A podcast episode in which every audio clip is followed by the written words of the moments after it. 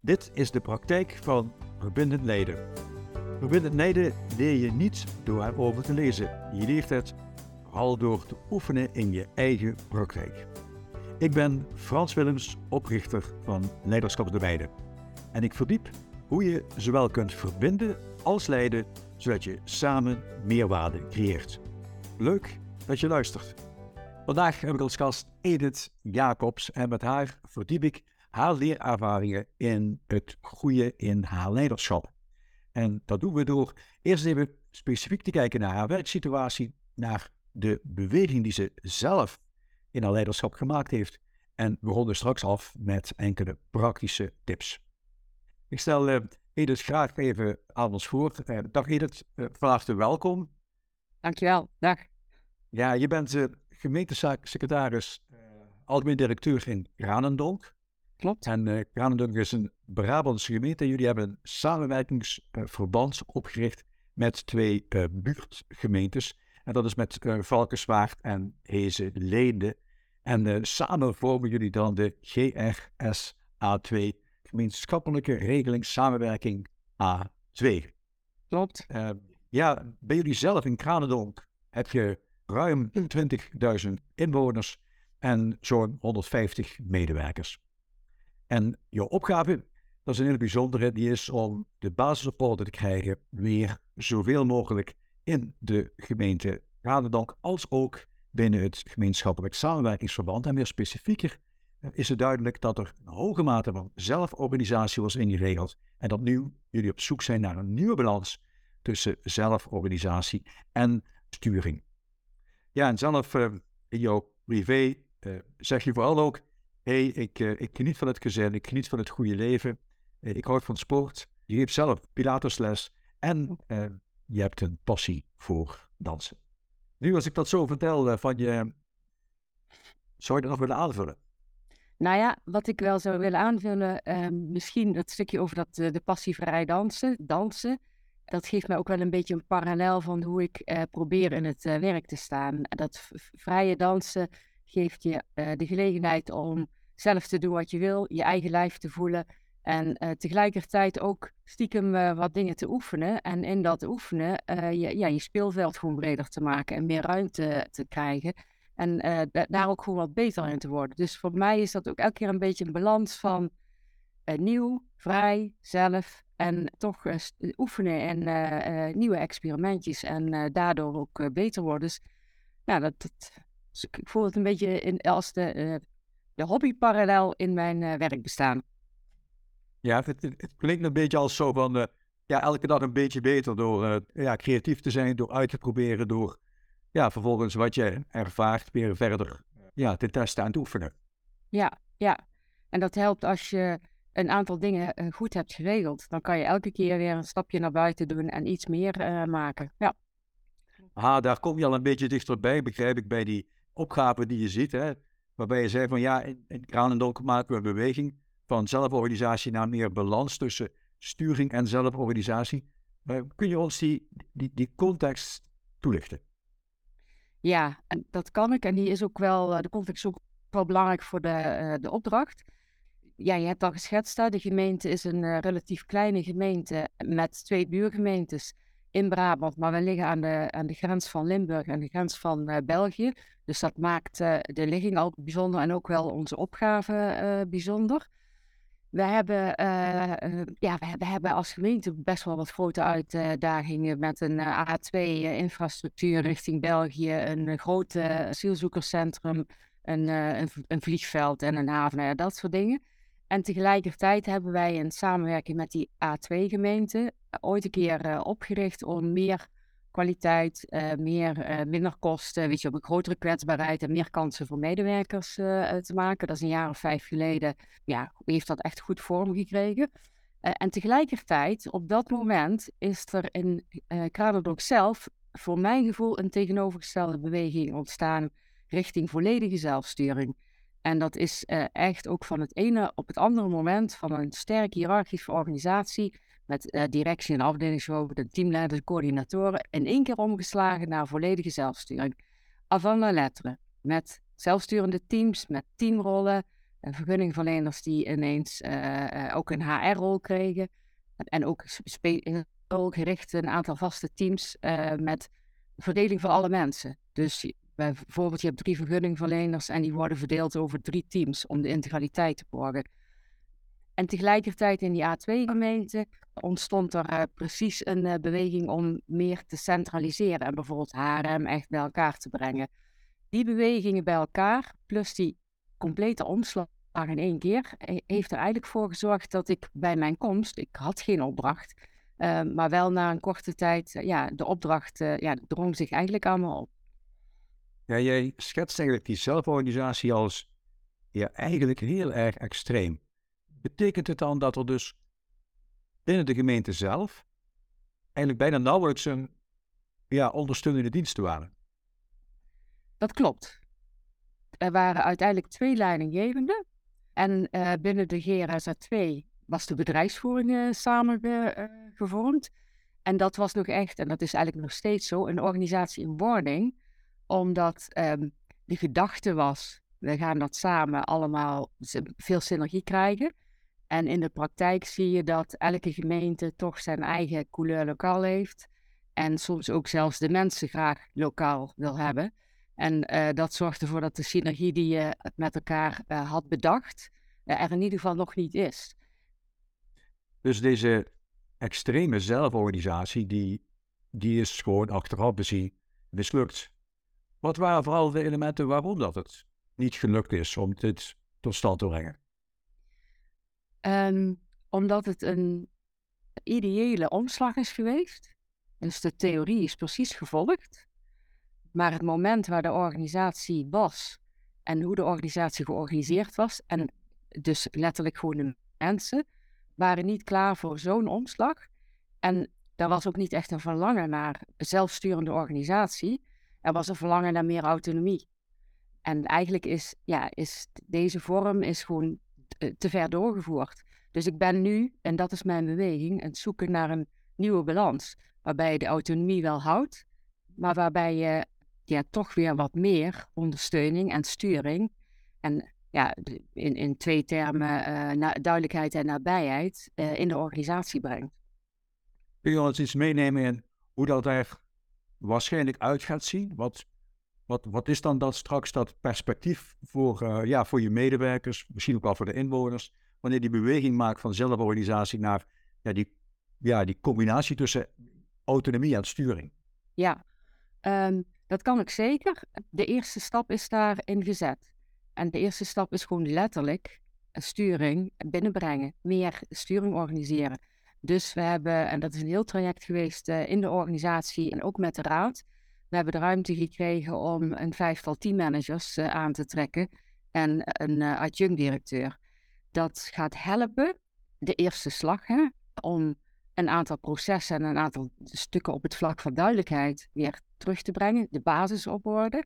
En het gaat helpen om de mensen ook de aandacht te geven die ze verdienen. Dus de dichtbijheid, de nabijheid te organiseren. En natuurlijk wordt daar een heel organisatieontwikkelprogramma bij, maar dit is wel de, de eerste stap om, om zeg maar het patroon te doorbreken en een verandering op gang te brengen. En nu kan ik me dat heel goed voorstellen, dat je bij zelforganisatie, ja, gaan natuurlijk lagen ertussen uit uh, van de functies weg, vooral op managementniveau, uh, bij de ondersteuning van de functies weg. Dat is de beweging om dat weer, ja, weer terug naar meer sturing uh, in combinatie met autonomie te brengen, dat je dan weer mensen ja, echt inbrengt, die mede ook daarin een rol gaan vervullen. Dan kan ik me heel goed voorstellen dat dat gebeurt. Maar hoe voorkom je nu dat jij hetzelfde ja, risico loopt als vijf jaar terug, dat je dat zomaar even invoert en dan ja, dat het weer eh, kapot slaat omdat het ja, niet aansluit bij waar de mensen zijn. Hoe, hoe voorkom je ja. dat? Nou ja, om, om te beginnen ben ik vanaf dag één ben ik medewerkers gaan betrekken in allerlei verschillende vormen. En eh, om mijn analyse eh, vorm te geven. Dat is trouwens ook een van mijn leerdingen. Want ehm, ja, de neiging is om heel snel te bedenken van zo ziet het er ongeveer uit. Dit zou een mooi traject kunnen zijn we rollen het uit en we zetten stappen. Um, dus ik ben begonnen al bij mijn analyse om uh, mensen daarbij te betrekken, te bevragen. Waar heb je last van? Wat vind je dat je, dat moet blijven? En uh, ja, wat, wat moet morgen ophouden? En hoe zou jij het vormgeven? En uh, dus eigenlijk mijn analyse is gezamenlijk tot stand gekomen. Dus toen ik vorig jaar de boodschap heb gebracht, de organisatie zat door het ijs, was dat aan de ene kant best wel een schok, maar aan de andere kant was het ook wel een opluchting. En het vervolg heb ik op dezelfde manier voor een groot deel zo aangepakt. Dus elke keer mensen erbij. Hoe kan het dan? Wat is een alternatief? Hoe zat, ziet dat eruit? Wat betekent dat dan? En wat betekent dat ook voor datgene wat je hebt opgebouwd? En om een voorbeeld ervan te geven, doordat mensen in eh, die zelfsturende teams eh, zaten en eigenlijk op zichzelf aangewezen waren, hebben zij ook nieuwe functies gevormd. Samen bedacht van, ja, dit, dit kan ik goed of dit vind ik leuk, dus ik ga dit doen en ik pak daar een stukje bij en nog eens wat. En op het moment dat er dan iemand weggaat, dan heb jij ja, best wel wat moeite om een soort gelijke functie weer te gaan vervullen, want dat zijn geen reguliere functies. Dus je ziet ook wel dat door die zelfsturing er heel veel in de basis gewoon afgebrokkeld is. De processen zijn er niet, de functies zijn niet goed benoemd. En mensen ehm, ja, doen vooral hun, hun beste uh, kunnen.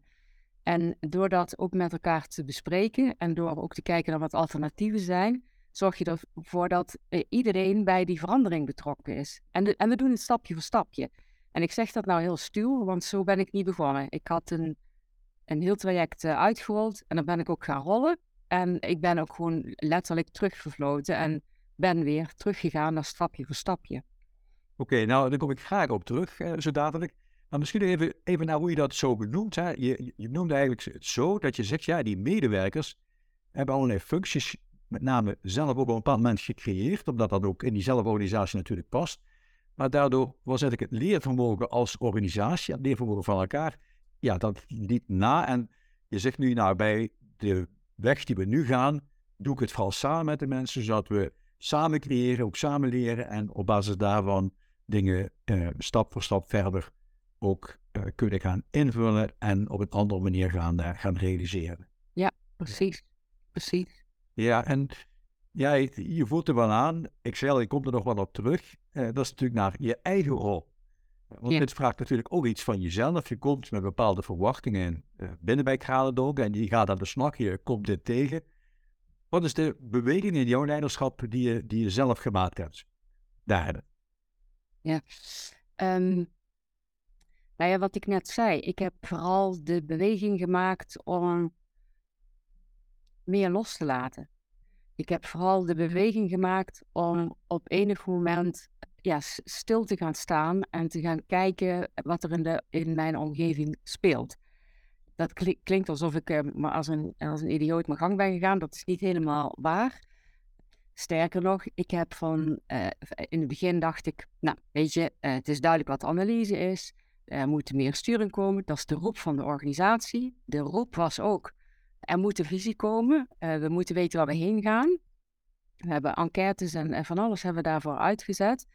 En toen dacht ik ook nog van, ja, visie, visie. Als je aan het zwemmen bent, dan ga je met elkaar, of als je aan het verdrinken bent, of de boot uh, is aan het zinken, ga je met elkaar niet praten over welke koers. Dan, dan moet je iets doen. En eh, het was ook duidelijk dat mensen hun hoofd er gewoon niet uh, naar hadden staan om allerlei grote trajecten aan te gaan. Dus ik heb toen de visie gemaakt, zelf, op basis van allerlei informatie, op basis van wat ik van de organisatie terug had. Ik had bedacht van, het moet niet alleen een stuk tekst zijn, het moet ook vorm en beeld en geluid krijgen. Dus ik heb op een paar verschillende manieren heb ik geprobeerd om dat met de organisatie te gaan voelen. Bijvoorbeeld één voorbeeld Kraanvogel is ons logo. En ik heb de hele organisatieontwikkeling heb ik aan de parallel van de kraanvogel en onze naam Kranendonk gemaakt. De kraanvogel staat eigenlijk voor het, het uitvliegen, het dynamische, het uh, vitale.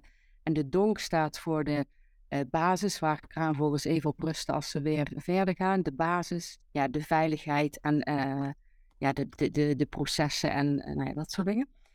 Um, dus ik had bedacht van we gaan een kraanvogel bouwen in allerlei verschillende teams. Ieder team maakt een onderdeel van zijn kraanvogel en aan het eind bouwen we dat bij elkaar en dan wordt het een kraanvogel. Dus je bent in je team ben je samen aan het werken en met je teams weer. Want in zo'n kleine organisatie, op de ligging die wij hebben met twee samenwerkingspartners, uh, in deze arbeidsmarkt kan je niks anders dan dat je heel goed leert samenwerken. dus ik had dat allemaal bedacht en we gingen dat doen. Het leek me ook leuk en ik dacht, ik moet ook betekenis geven aan dingen, dus aan de slag. En uh, ik denk dat het ook goed was en mooi was, maar niet op dat moment. Dus ik merkte daar al, ja, waarom, waarom is dit lastig? Waarom hebben mensen van, ja, Jezus, moeten wij hier iets gaan bouwen? Het, het is al heel druk. Tegelijkertijd had ik ook bedacht, als ik nou elke maand een uh, startbijeenkomst heb en die, uh, die lardeer ik met iets leuks. Ik uh, start met een animatiefilmpje met kraanvogels over het thema van die maand. wat kun jij doen? Het thema wie ben jij? En wat zijn je sterktes? Nou, dat soort dingen. En we doen dat. We zitten elke maand bij elkaar. Ik kan elke maand er even zijn. En we hebben de maand gevuld met een thema. Aan het eind van het jaar heb je een serie animaties die samen een filmpje vormen met de cliffhanger van het bouwen het jaar erop. Nou, in theorie allemaal prima en leuk. En na twee bijeenkomsten dacht ik al van, uh, dat voelt niet helemaal alsof uh, de flow erin zit. En het heeft mij wel geholpen als het gaat over een stukje feedback van, uh, van anderen. Dat ook iemand tegen mij zei van, joh, als ik met jou alleen praat, dan snap ik jou. En dan volg ik je en dan uh, inspireer je als je voor zo'n organisatie staat, dan voel ik een beetje een college. Maar wij zitten daar niet. We snappen het wel, maar we zitten daar niet. Dus ik ben in de derde bijeenkomst helemaal voorbereid. Dus ik had alles klaar en toen ben ik, heb ik dat niet gedaan. Ik ben gewoon in de, we hebben een raadzaal, ik ben midden in de raadzaal gaan zitten en heb ik gezegd van, oké, nu pas op de plaats. En ik ga met jullie in gesprek. Wat, wat willen jullie? Wat is er nodig? En hoe zitten jullie er nu in? En dat is een heel goed gesprek geworden. En daar heb ik ook precies dat teruggekregen wat ik ergens wel voelde, maar in mijn ratio nog niet helemaal. Uh... dus ik ben ook, uh, heb toen ook gezegd van oké, pas op de plaats. En we gaan ook zorgen dat we samen bepalen wat het tempo is. En dat is ook het moment waarop ik ja, heb gevraagd van uit de teams van mensen maak voor mij een klankwoordgroep. Uh, voor mij persoonlijk, maar ook voor de organisatie en ja, het ritme daarin. En um, ja, dat is voor mij echt een, een cruciaal moment geweest. Ja, als, als ik hem zo uh, hoor, dan denk ik: oké, dit, dit lijkt wel op een soort uh, contra-reactie op datgene wat eerder gebeurd was. Zo van: eerder was hier is de zelforganisatie, hè, zo van: nou, hier heb je een en dan ga je gang, medewerkers. En nu was het, komt Edith en die analyseert scherp, die ziet wat het probleem is. Die zegt, oké, dit is de visie, uh, jongens, we moeten meer samenwerken, dat gaan we zo doen, aan de slag. En ontstond er misschien wel een soort beweging precies vanuit die andere kant, allemaal heel goed bedoeld. En op een moment heb je gemerkt van, hé, hey, wacht eventjes, ik, ik, ik loop veel te ver vooruit. Wie, wie zegt dat ik op het goede pad loop? In ieder geval van ik de medewerkers. En ik ga aansluiting zoeken en ik ga het samen doen. Ja, dat klopt. Want wat duidelijk was, was dat de richting goed was, dat medewerkers dat ook wilden. Dus zeg maar, in theorie klopt het allemaal, maar het ritme en eh, waar mensen zaten, klopte niet.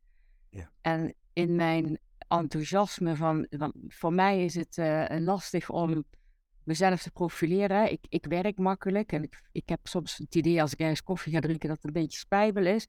Dus ik wist dat ik in mijn profilering ook wel iets moest doen. Dus dat had ik rationeel ook allemaal uh, netjes in elkaar gedraaid, zeg maar.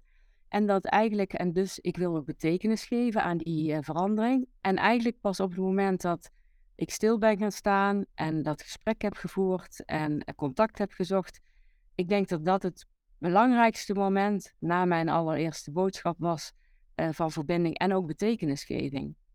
Um, en dat was niet meer dan mezelf zijn, gaan zitten, naar mezelf luisteren en naar de ander luisteren. Wat waren nu obstakels om hier te komen? Dit zo in te zien en te gaan uitvoeren? Ik denk dat ik, ik zelf mijn grootste obstakel ben geweest. Uh, en dat ben ik nog steeds. Um, de, de, de wil om een organisatie die aan het verdrinken is, eh, heel snel weer op weg te helpen. Het, misschien wel de arrogantie dat je dat dan ook kan. De snelheid die ik, of de druk ook die ik voelde. En de, natuurlijk heeft de arbeidsmarkt daar niet uh, in meegespeeld, want in plaats van dat het beter werd, werd het natuurlijk ook wel slechter. Maar vooral mijzelf. Want eigenlijk op het moment dat ik me aan heb gepast aan het ritme en ook gewoon wat dichterbij ben gaan staan en ook gewoon, ja, ik, noem, ik noem dat ook wel een beetje resoneren, heb gevoeld van, ja, ik, ik kan misschien wel, maar de ander is echt met iets anders bezig, ook al vindt hij het goed, maar het voelt zo anders. Ja, dat, dat, is, uh, dat heeft geholpen en daar ben ik mijn, eigenlijk mijn grootste obstakel in geweest. Ja, is dat zo'n beetje van, oké, uh, ik heb de analyse, uh, het is duidelijk dat iets moet gebeuren. Ik weet ook, ik weet ook al wat de oplossing is. het is de hoogste tijd nu. Het is vijf over twaalf. Dus kom op, doen. Hè? Dat, dat idee. Hè? En met goede bedoeling aan de slag. En in de richting van, oké, het probleem is helder. Het is zwaarwegend. Maar ik deel het met de mensen. We gaan samen kijken wat we kunnen doen. Die beweging. Ja. ja. En in de theorie, want zo zit ik ook een beetje in elkaar. Ik ga zoeken, hè, hoe zit dat? Wat is dit voor een organisatie? Dit, dit zit tegen een verwaarlozing aan. De eerste stap die je doet, ophouden daarmee en gaan sturen. Um, dus ik merk dan ook dat je ergens een beetje houvast eh, zoekt aan dingen die dus al gewerkt hebben. Dat ik denk van ja, nee, dit is deze organisatie en ik ben ik. En dit is wat ik kan inbrengen en deze organisatie kan dat inbrengen. En daar hebben we het gewoon mee te doen. Ja. En Waar ben je op dit moment blij mee? Of blij over? Mm -hmm. ik ben heel blij met de inzichten. Daar ben ik echt blij mee. Ik heb ook met individuele medewerkers heb ik stappen kunnen zetten. Uh, omdat ik op een gegeven moment ook gewoon los ben gegaan van waar willen we samen naartoe en waar wil ik naartoe en wat was erop nodig. Maar eigenlijk gewoon alleen maar ben gaan resoneren, zeg maar. Uh, bijvoorbeeld mensen waarbij zo'n reorganisatie uh, boven het hoofd hangt, persoonlijk. En wat betekent dat dan? En dan kun je rationeel met elkaar hele goede gesprekken hebben en elke keer op hetzelfde uitkomen, maar je komt met elkaar niet tot waar het echt over gaat. En nou, dat, dat heb ik ook geleerd in deze beweging, wat, wat nog wat meer. Daar ben, ik, daar ben ik blij om. Dus ik heb, uh, ben blij dat ik die inzicht heb en ik ben blij ja, dat we elkaar vast hebben gehouden. En ik, en ik ben blij dat wij nu een stap hebben gezet dankzij uh, ook die hele beweging en de raad, om ook te investeren in deze organisatie. Oké, ja. Je, je, zegt eigenlijk van ja, weet je, we hebben een opdracht om van, van die uiterste zelforganisatie te gaan naar een combinatie van ja, zelforganisatie en sturing. Dat was voor jou, je kwam, direct ook heel duidelijk. Uh, volgens mij aan de slag gegaan. Daarbij in eerste instantie te, te snel van stapel gelopen, waarschijnlijk. Hè, met, met de gedachte van, eh, dit moet ik nu veranderen, het is de hoogste tijd. En vervolgens heeft dat inzicht om snappen dat je het ritme van de organisatie moet volgen, heeft je ontzettend veel gebracht door juist dat te doen, die aansluiting te vinden. En nu eh, zitten jullie in die beweging om samen aan de slag te gaan, om naar die ja, andere organisatie te gaan, waar er een, eh, een goede ja, balans is tussen uh, sturing en, en autonomie. Hey, ja, het zijn denk ik heel, eh, heel, mooie inzichten, die je ons vertelt. Wat was voor jou nu eigenlijk het belangrijkste inzicht of de actie of ja, eh, overtuiging of wat dan ook? Wat was het belangrijkste element eigenlijk wat voor jou leidde tot een doorbraak in, in, in dit traject? Wat voor mij persoonlijk heel belangrijk was, is ook als het gaat, voor, mij is het belangrijk om, los van alle dingen die je doet, hè, dus de, de, de programma's en de plannen en zo, om ook betekenis aan, de, aan die verandering te geven. En wat mij, voor mij belangrijk was om te ervaren dat ik die betekenis niet zomaar geef, maar dat de betekenisgever iets doet, maar de betekenisnemer is daar ook heel erg belangrijk bij. En dan kan jij theoretisch of kan je zelf bedenken van nou, dit zou heel mooi zijn. Of ik geef op deze manier betekenis aan die verandering. Daar heb je die ander voor nodig. Ook daarvoor. Is er een moment um, wat nu zo jou te bidden schiet waarbij dat bijvoorbeeld gebeurde? Um, wat, wat, wat, ik net een beetje schetste, vond ik heel belangrijk. Dat, dat ik dacht van nou, ik, ik geef een stuk betekenis door beeld en geluid en vorm en het laten voelen en er daarbij te zijn. En dus dat. En uh, dat dat zeg maar, in de organisatie niet zo binnenkwam of dat dat niet zo voelde. En dat moment dat ik gewoon mezelf ben geweest en ben gaan zitten, dat dat kennelijk voor dat moment voor de organisatie, de club, mensen die daar zat, de betekenis had die ik niet zo gezien had. En dus zij hebben daar een rol in gespeeld. En ja, misschien ook wel in het, uh, in het klein. Ja, dit zijn heel veel van die kleine momenten waarop je dat wat, wat makkelijker kunt doen. Nou, ik, uh, een voorbeeld om wat meer nabijheid te zoeken, ben ik met mensen mee gaan uh, lopen. Een, uur of een ochtend of een dag. En ik had vlak voor de kerst had ik met iemand afgesproken om iemand van rioolbeheer om met hem mee te lopen. En die afspraak die is, omdat mijn agenda dramatisch was, is die twee keer verzet. En bij de tweede keer zei die persoon, het ging in een mailtje van, op, op, op wat let, nettere manier, maar zei van ja, ik weet niet of ik zin heb in een derde gesprek. Ik ben er eigenlijk wel klaar mee. En ik ben toen naar die persoon toegegaan, heb met, met hem gesproken en ook precies hierover. Want je wil eigenlijk er zijn, je wil die betekenis geven. En in de acties die je doet, ja, respecteer je elkaar niet. Ik uh, zijn, zijn of elkaars tijd niet.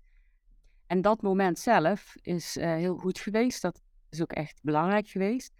Maar wat voor mij daarin ook wel nog duidelijker werd, is dat het betekenisgeving op alle kleine momenten is, op de dagelijkse dingen en uh, dat het daar heel erg in zit. En tegelijkertijd dat je in het groot, in, in de groep, ja, dat ook moet doen. En daar op eenzelfde manier moet zoeken naar hoe resoneer ik met die groep en wat hoort daarbij. Ja, en ik denk dat het heel mooi is. Tegelijkertijd zou je natuurlijk ook daar ook kritisch over kunnen zijn en kunnen zeggen, ja, eh, het is natuurlijk allemaal prachtig dat we eh, iedere keer proberen te begrijpen wat bij de ander speelt en die aansluiting proberen te realiseren. Maar van de andere kant is het natuurlijk ook wel zo dat we voor een behoorlijke opdracht staan. Eh, er moet wel wat gebeuren. Hoe zorg je nu dat, dat aandacht hebben voor die verschillende betekenissen die mensen dan geven aan kwesties, aandacht hebben voor, voor de ander. Hoe zorg je nu dat dat in combinatie gaat met dat er eh, ja, ook, laat ik zeggen, meters gemaakt worden? Dat klopt. Voor een groot deel in, in, een, uh, in, in de basis echt heel duidelijk zijn welke richting uh, je op moet en wat erop nodig is. En daarbinnen met elkaar de ruimte nemen om inderdaad het samen te doen en samen op te trekken. Maar in de grote lijn ben ik heel duidelijk. En dat, ook dat kun je terugzien in voorbeelden kleiner. Ik bedoel, iets heel, heel uh, simpels, zo'n kerstborrel. Het enige wat ik daar eigenlijk heb gedaan is gezegd, er moet een kerstborrel komen. En wij hebben hier een schitterend uh, gebouw om uh, dat te doen. er is alles is, zit erin. Het is een soort theaterachtig iets, vrij klinisch.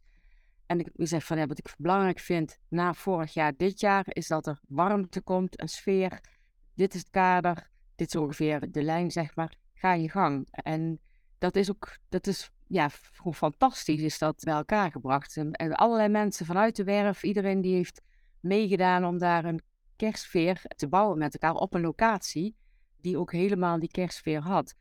Dus dat is in het klein en dat doe ik in het groot ook. Als het, als het dichtbij komt, zit niemand te wachten op zoveel extra sturing. En toch is dat de duidelijkheid. Natuurlijk is er stiekem behoorlijk wat weerstand gekomen op een adjunct erbij, teammanagers erbij. Terwijl de, de roep was, we willen vooral aandacht en toch wel de autonomie houden. Uh, en daar ben ik heel duidelijk in. En dan binnen die duidelijkheid uh, samen optrekken. Ja, ik hoor natuurlijk, uh, dat, kan niet, dat kan niet missen natuurlijk ook weer hier, ja, eigenlijk zo'n soort pleidooi voor die combinatie van leiden en verbinden.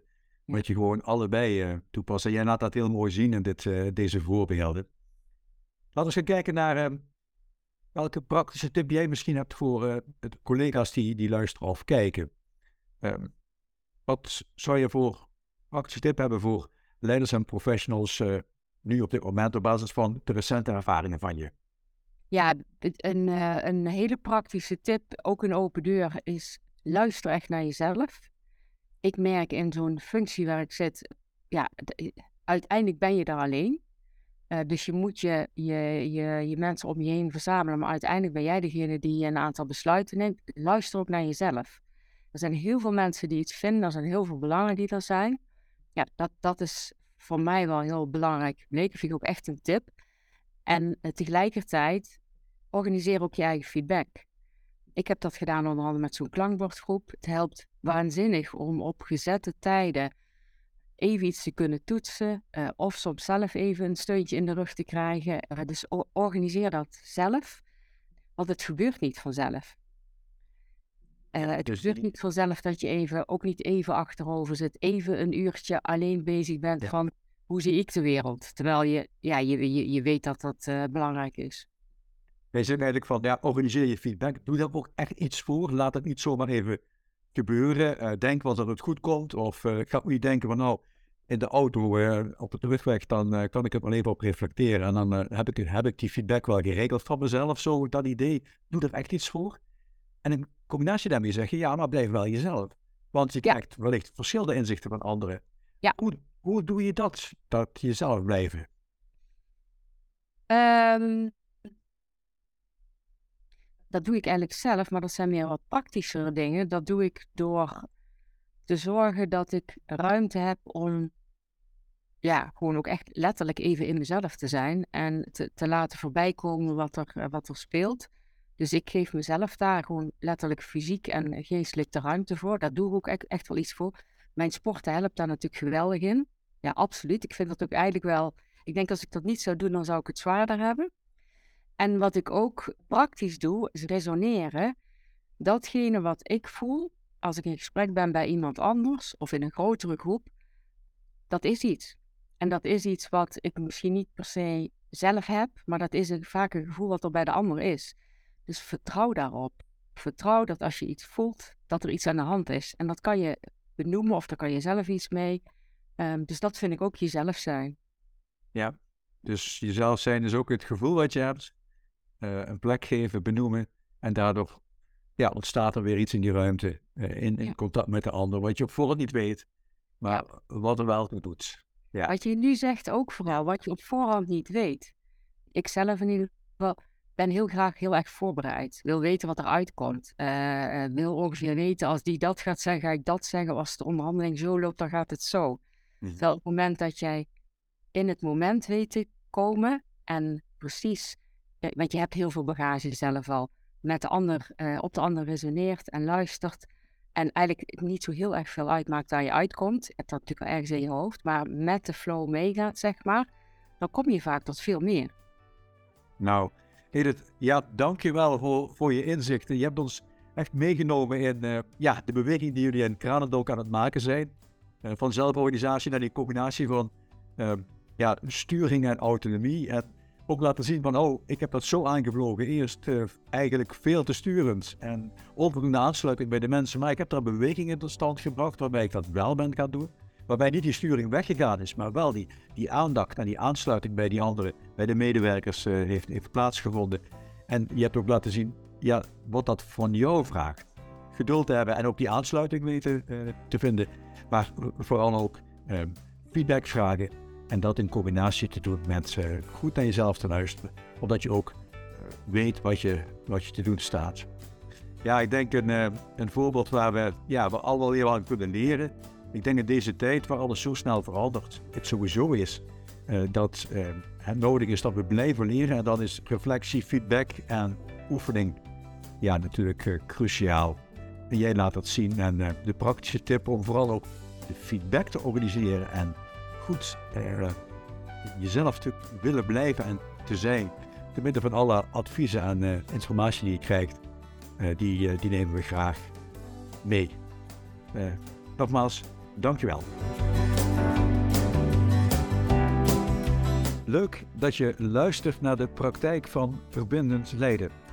Door op volgen te klikken, abonneer je je vanzelf op deze podcast en zie je automatisch wanneer ik een nieuwe aflevering plaats. Ben je benieuwd hoe verbindend jij bent als leider? Doe dan de test op www.leiderschapsdomeinen.nl en ontvang de tip waarmee je direct zorgt voor meer verbinding. Creëer de beweging die je beoogt. Begin bij jezelf en doe het samen.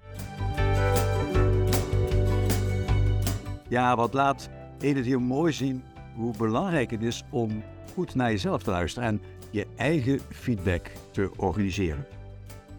Dit is het zesde van de 13 interviews die ik gehouden heb met leiders en professionals over hun praktijk van verbindend leiden. Je kunt alle informatie over deze aflevering teruglezen op www.leiderschapsdomeinen.nl slash podcast 6. En dat is gewoon het cijfer 6, dus www.leiderschapsdomeinen.nl slash podcast 6. In de volgende aflevering praat ik met Ron Aspers. Hij is directeur bij Spolt in Stichting voor Primair Onderwijs in het Leudal en het Turner Kwartier. En met hem spreek ik vooral over het anders organiseren in het onderwijs. Dat ziet hij als een opdracht. En we gaan het vooral ook hebben over wat dat voor hem zelf betekent.